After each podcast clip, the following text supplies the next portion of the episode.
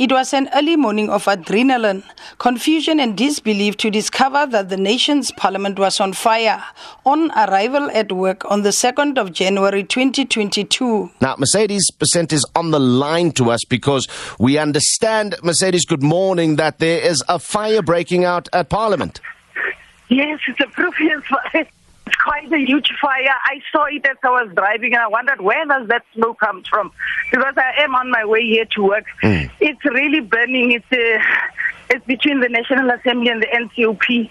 They've, they've just closed here. They've cordoned off, but I'm standing right here, and it's I don't know if this fire they will be able to put it out uh, sooner. It's uh, it's here at the, they call it the old assembly chamber in that area, but it's really burning. It's, My- it's my quite goodness. a huge fire. Well, when you- when you say huge-. When you say huge, just talk to us about how many buildings those flames are engulfing right now. I don't know because you see some of these buildings they're connected Hmm. and it's connected to the NCOP and then it connects to the National Assembly so it's gonna cause a huge damage. The building that I am we are and as the media uh, uh, uh, are utilizing is the Max building. It's just right opposite Max building. I actually thought it's a Max building so as I came I I I I, I checked and it, uh, now I'm here right closer in front of the gates. It's not Max building. No. And it's not. I also thought it was the NCOP. Yeah. But it's really, it's really. I've never seen something like this. Mercedes, I can I can hear you now, and very little else in the background. Are, are the fi- is the fire department there, or the authorities uh, Yes, tending to this fire? They are here, but they seem to be battling with this fire. Huge smoke, and the fire is very big. So. Uh, I, I'm right here, actually, in front of the gates now. But they wouldn't, they can't allow me in. I told them I work here. I need to grab some pictures, and uh, we'll be able to see.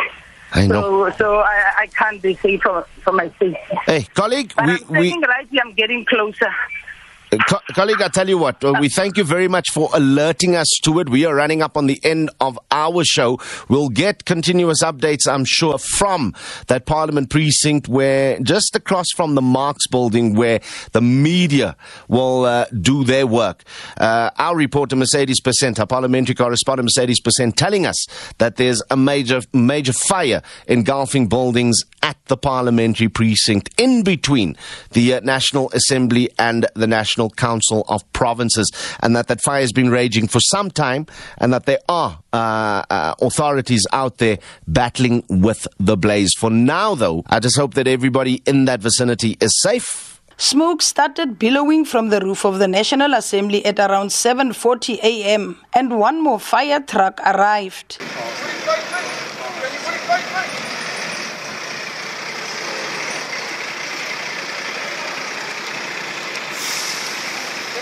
Is dit nou agter die National Assembly?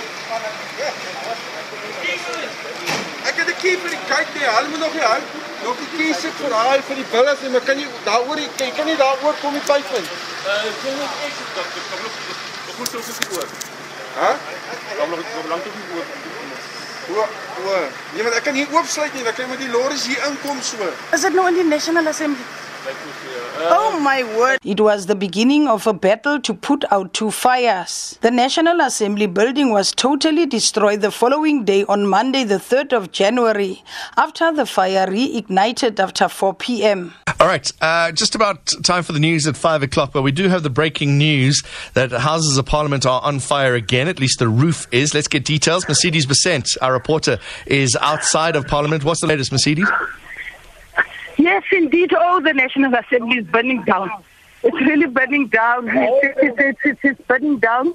I was in Max building inside because I was still busy packaging my story. So the story has now changed. I can't even uh, uh, file that story because it will be old. But it's burning. It's, we are standing right here. I managed to grab some videos and pictures, but they kicked me out today. So I'm this side, and the fire that is coming.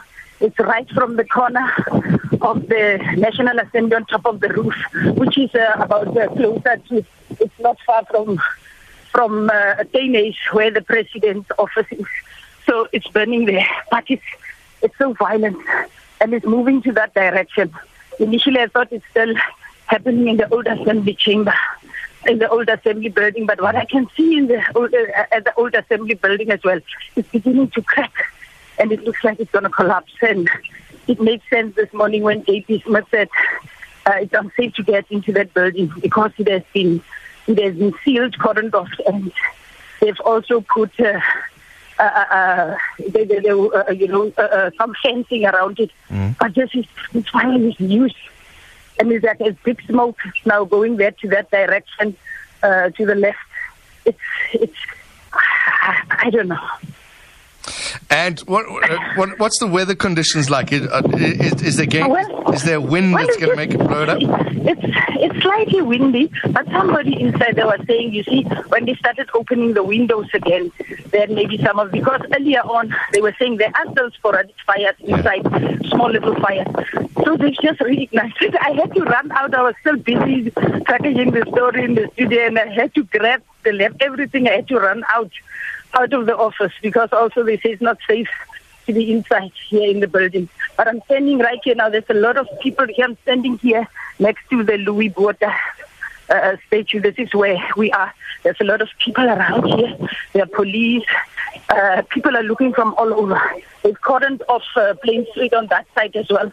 I managed to, to, to walk through, and they wouldn't want me to. Mm. To actually, you know, uh, take pictures, but I managed and I grabbed some uh, I was the only one standing there, so I have those pictures. But now they've chased me out of that area. So I'm standing here with the rest of the media who were able to capture from this side. All right, we'll catch up with you again in a moment, uh, in a little while, Mercedes Besent. So let us know about what's happening there. SABC senior reporter Mercedes Besent outside of Parliament that is on fire again. The roof of the National Assembly is on fire again. Various investigations were conducted, and the National Assembly building remains unsafe to enter. Parliament spokesperson Moloto Mothapo. Much ground towards restoring the function of Parliament and support for its business has happened during this year of 2022 since the fire broke out on the 2nd of January. A great amount of time was invested in the multidisciplinary technical expert assessment of the damage caused, particularly to the structure, and the quantification and cost of the damage.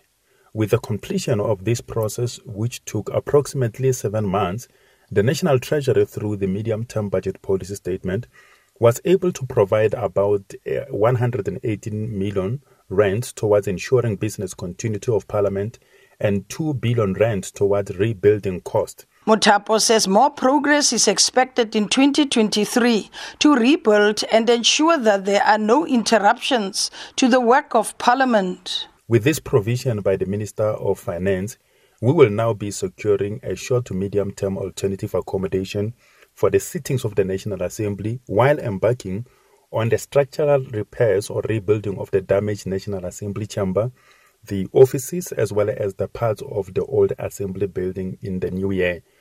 We were well trained by the COVID 19 disruption of two years to ensure business continuity amidst a crisis situation, and Parliament has ensured that there was minimal uh, interruption in its work. Trade Union Nehawu in Parliament says it remains concerned about the slow progress of finalizing the report into the fire and holding those who were either directly or indirectly involved in the destruction of the historic buildings accountable. Nehawu chairperson in Parliament's Thembiso Tembe.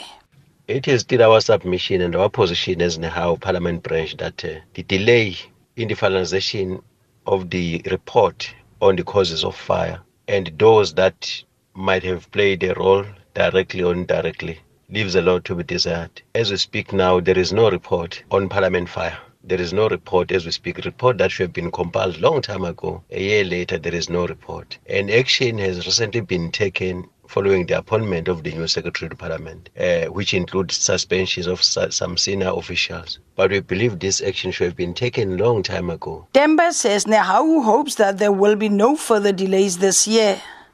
So we are still very much concerned, but we hope that uh, since did, uh, an action has been taken against some of the senior officials, uh, we'll see the continuation of that action so that we get closure, we get to the bottom of this particular issue of fire. But the delay itself really does not inspire confidence. It's an issue that should have been prioritized long time ago. But as we speak, uh, the process is moving very slow.